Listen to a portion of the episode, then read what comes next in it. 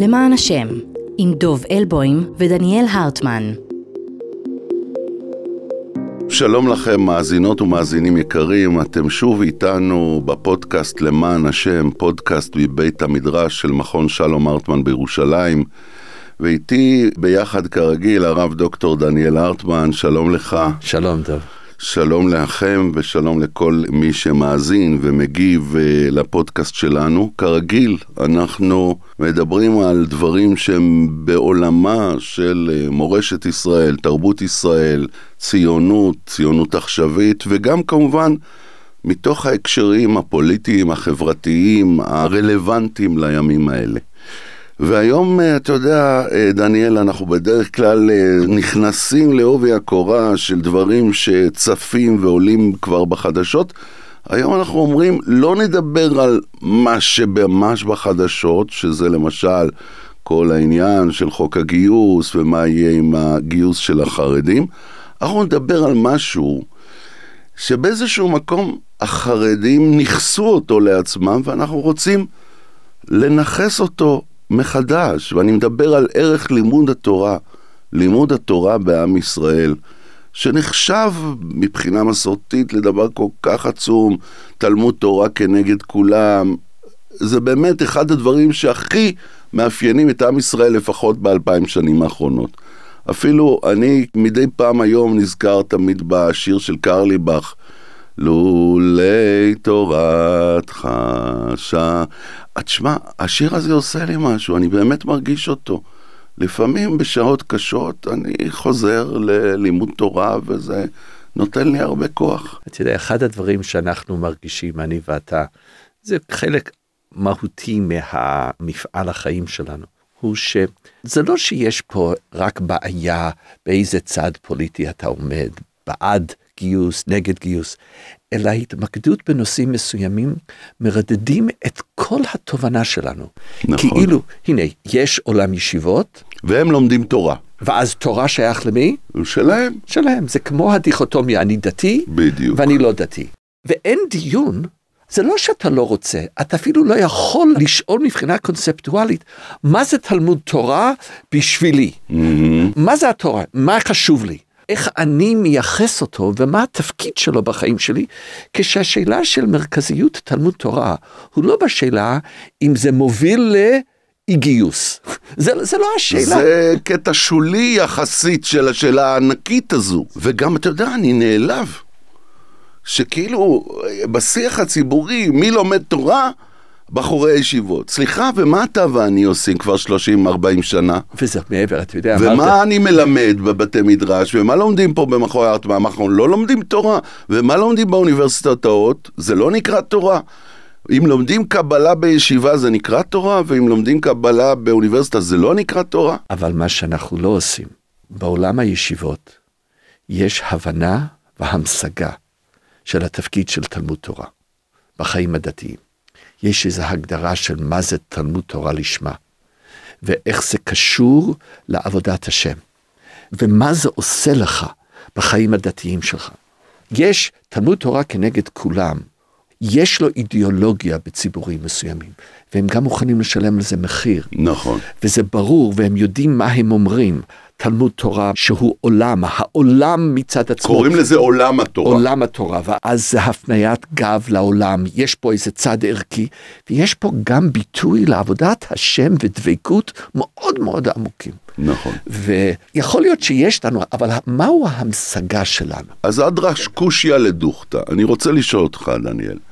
בעולם הלא, בוא נאמר, מקודש, לא עולם של אה, החרדים, לא העולם של כלי הקודש למיניהם. בעולם שלנו, אנחנו יהודים שחושבים שצריך לעבוד, וצריך להתפרנס, וצריך ללמוד, וצריך לעשות, וצריך כל מיני דברים בעולם. והחיים הם לא יכולים ולא צריכים להיות איזה אזור מצומצם שרק בתוכו בעצם אנחנו פועלים. אבל אנחנו אוהבים את התורה, אנחנו אוהבים לימוד, אבל אין לנו את העניין של זה הדבקות באלוהים דווקא, או אני עושה את זה כמעשה דתי, או כמצווה וחובה, אלא באמת, אני אוהב את התרבות היהודית, אני אוהב את המסורת היהודית, אני חושב שלימוד הוא ערך. הוא ערך. כן, בקריאת שמע. ושיננתם לבניך ודיברת בם, ולימדתם אותם את בניכם. הרי זה לא מקרה שאין כמעט אח ורע לאומות באנושות, לכל כך הרבה דורות של אנשים שיודעי קרוא וכתוב. אין לזה אח ורע. זה לא קרה סתם. זה קרה כי זו תרבות שמשחר הזמנים שמה במוקד את העניין של תלמד. תלמד את הבן שלך, לא רק מקצוע שידע לעשות משהו לפרנסתו, תלמד אותו תורה. אז איך אנחנו בעצם ממשיגים את עניין התורה בשבילנו, אם אנחנו לאו דווקא מצפים את זה בעטיפה של מצווה, של דת וכדומה?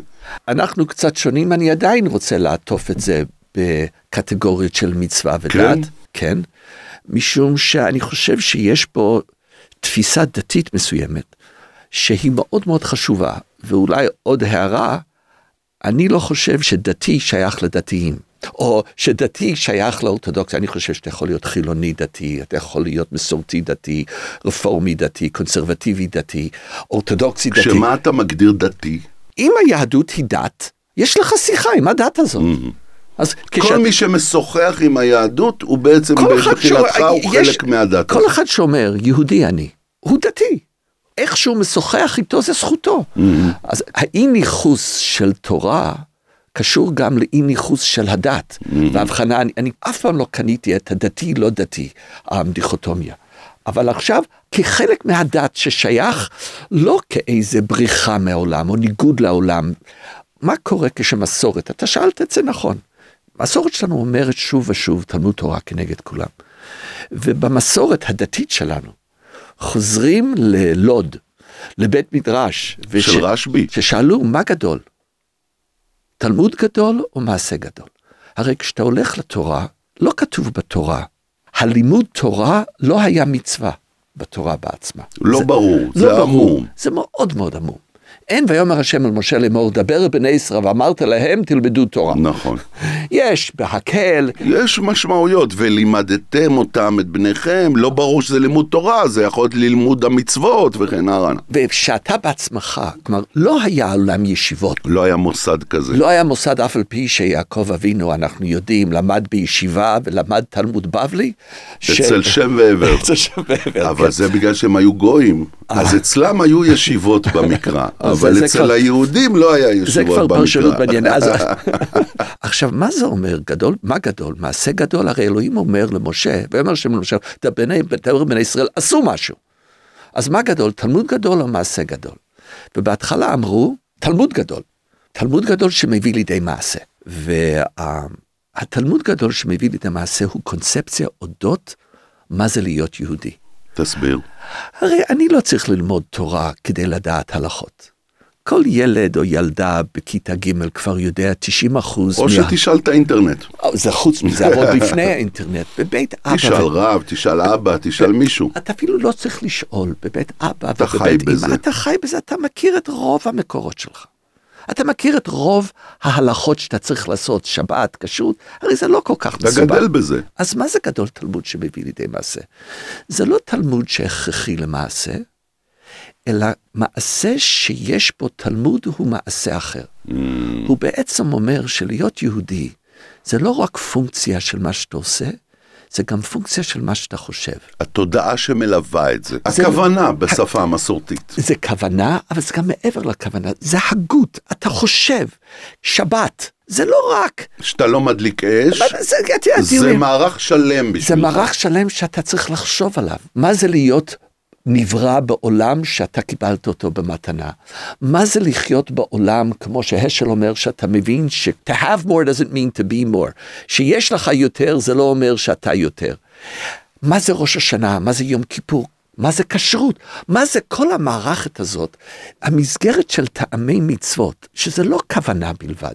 זה, לא זה רק... העולם הערכי-רוחני של המעשה. שהמעשה מעצב עולם, ובעצם אז היהדות מאתגרת. וגם לא משנה לי לכן אם אתה אורתודוקסי, חילוני, זה לא מעניין. השאלה היא, היהדות אמורה להיות פרספקטיבה אודות האדם, אודות החיים, אודות העולם. תלמוד תורה שמביא לידי מעשה, זה מעשה אחר. וזה עולם שבו עולם הרוח, עולם ההגות, עולם המחשבה, תפיסות עולם. אתה יודע, אני כל כך מפחד מיהדות בינונית. ויהדות בינונית... מה זה בינונית? של, אה, הרגל. זה לא משנה לי, אתה יודע, אתה יכול לשמור קלה כחמורה. אבל מי אתה? מי אתה? מה זה והייתם לי ממלכת כהנים וגוי קדוש? האם אתה חושב על שאלות גדולות, או אתה חודר פנימה, הרי כשיש תרי"ג מצוות, הרי המצוות לא עוזבות אותך לשנייה. You know, חז"ל אומרים שכל יום אדם יאמר מאה ברכות.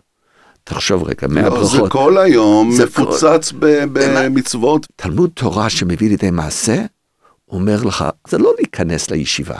זה אומר שלהיות יהודי, זה להיות מישהו שחושב, שחי בעולם תודעתי מסוים שמובע בתורה ש... בעצם. או, או שהוא משוחח איתו, ושהמשמעות של להיות אדם, זה להיות מישהו שחושב על משמעות החיים. זה בשבילי תלמוד תורה כנגד כולם. אבל אתה יודע, זה נורא מעניין מה שאמרת, כי אני רוצה לקחת את הצד השני שנייה, לא כאיפך, אלא כהשלמה. אתה אמרת תלמוד שמביא לידי מעשה, זה מעשה שהוא בא כחלק מעולם של לימוד, ואני רוצה להגיד גם בצד השני. לימוד שמביא לידי מעשה זה גם לימוד שאתה לא לומד אותו כאיזה שעשוע תיאורטי מנותק יפה. מהחיים. יפה. אני לומד עכשיו איזה תיאוריה במתמטיקה שאין לה שום יישום, היא אנליטית לגמרי, היא לא קשורה לכלום. זאת אומרת, כשאתה לומד, אתה חושב מה זה אומר על החיים שלי, מה זה אומר על דרך שבה אני חי, על הדרך שהחברה מתנהלת. זאת אומרת, גם בתוך התיאוריה, אני לא חושב זה מנותק. לא רק מה, אני דיברתי על כך שתלמוד מביא לידי מעשה משנה את המעשה. נכון. אתה אומר שתלמוד המעשה מידי... משנה את הלימוד. שאתה לימוד. זה כמו שבפרקי אבות נאמר, הלומד על מנת ללמוד ולעשות, הוא, הוא גם זוכה ללמוד וגם זוכה לעשות. ועל זה אני מדבר, אה, ובעצם מבחינתי זה לא רק תורה. התורה זה קוד. תורה זה מה שהעם שלנו הכיר בעולם של השכלה.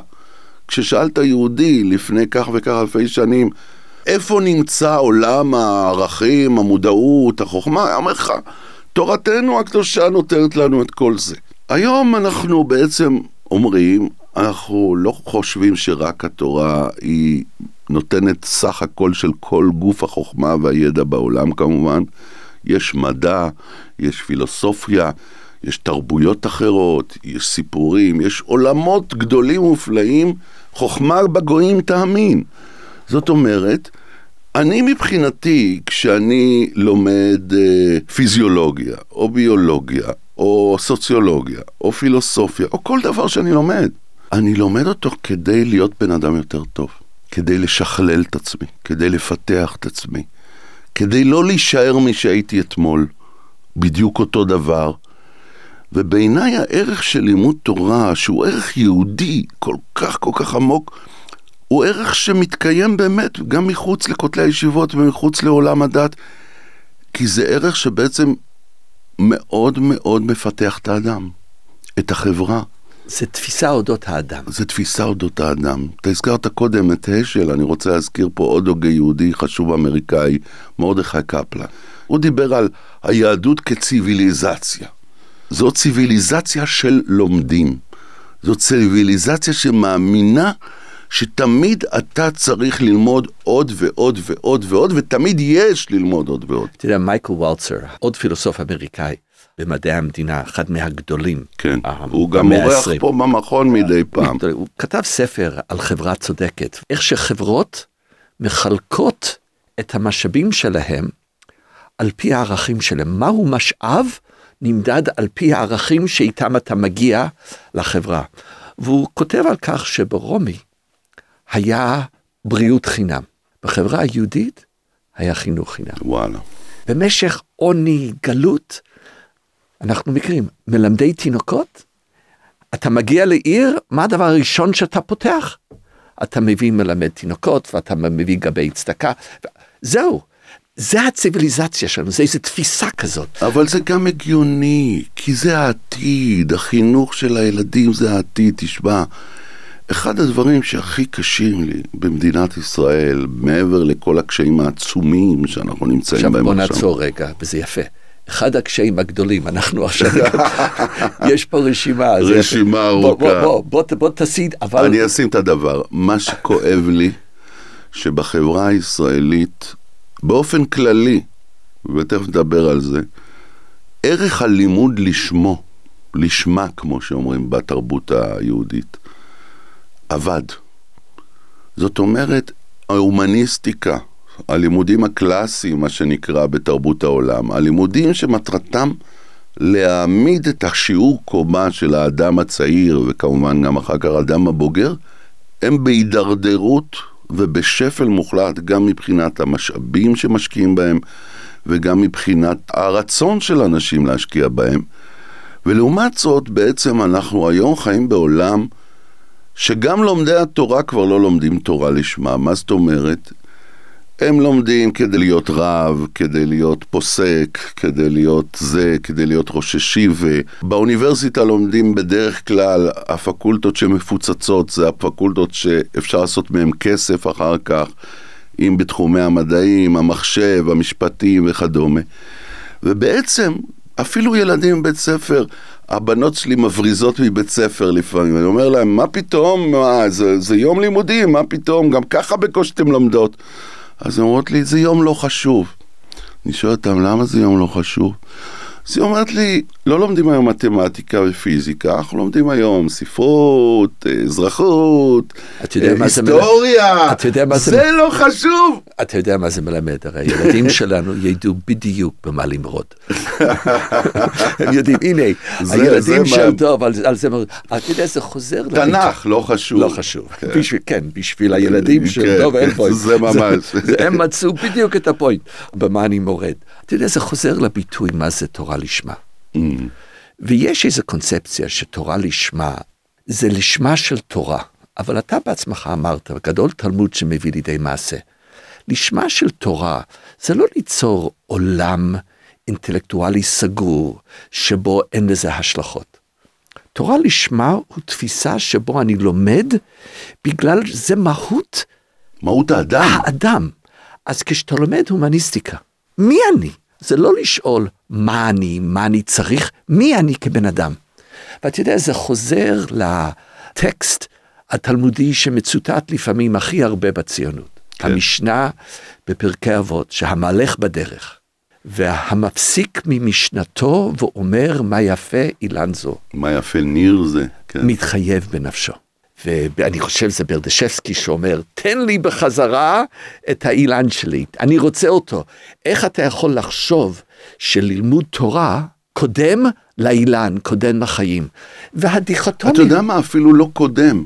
זה שמותר רגע, אפילו באמצע- להפסיק. להציץ בעץ. Like- לא שהפסקתי ללמוד תורה בכלל. עכשיו, אז הציונות החזירה לנו את הגוף.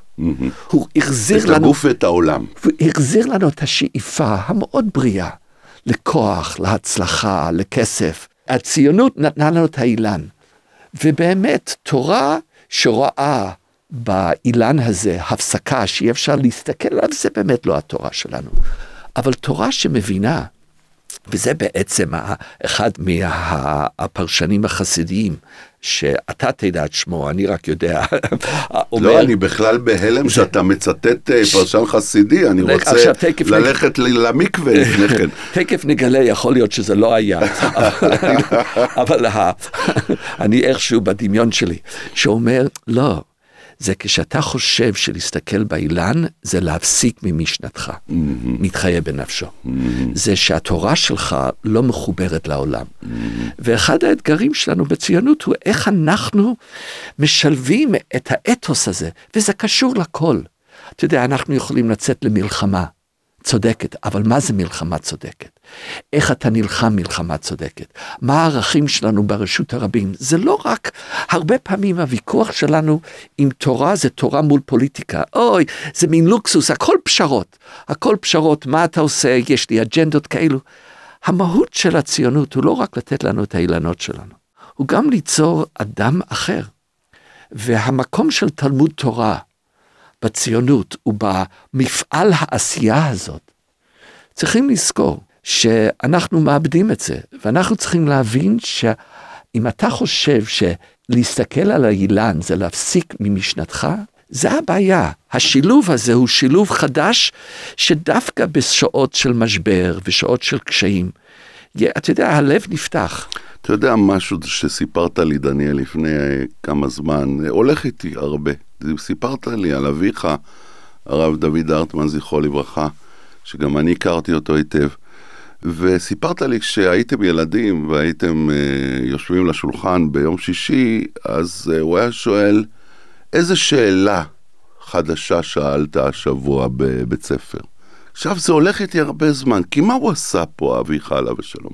הוא אמר, אני רוצה שתביא לי לא את הפירות של למדתי איזה גוף ידע. הוא בעצם אמר, אני רוצה שתראה לי שלמדת ללמוד השבוע. זה מה שהוא רצה שתראה לו. ו- וזה הכוח שלנו. אני למדתי הרבה שנים בבית מדרש של מכון הרטמן, פה גדלתי. אני אמנם, אני גדלתי בבית מדרש של מכון הרטמן עוד לפני שהיה מכון הרטמן.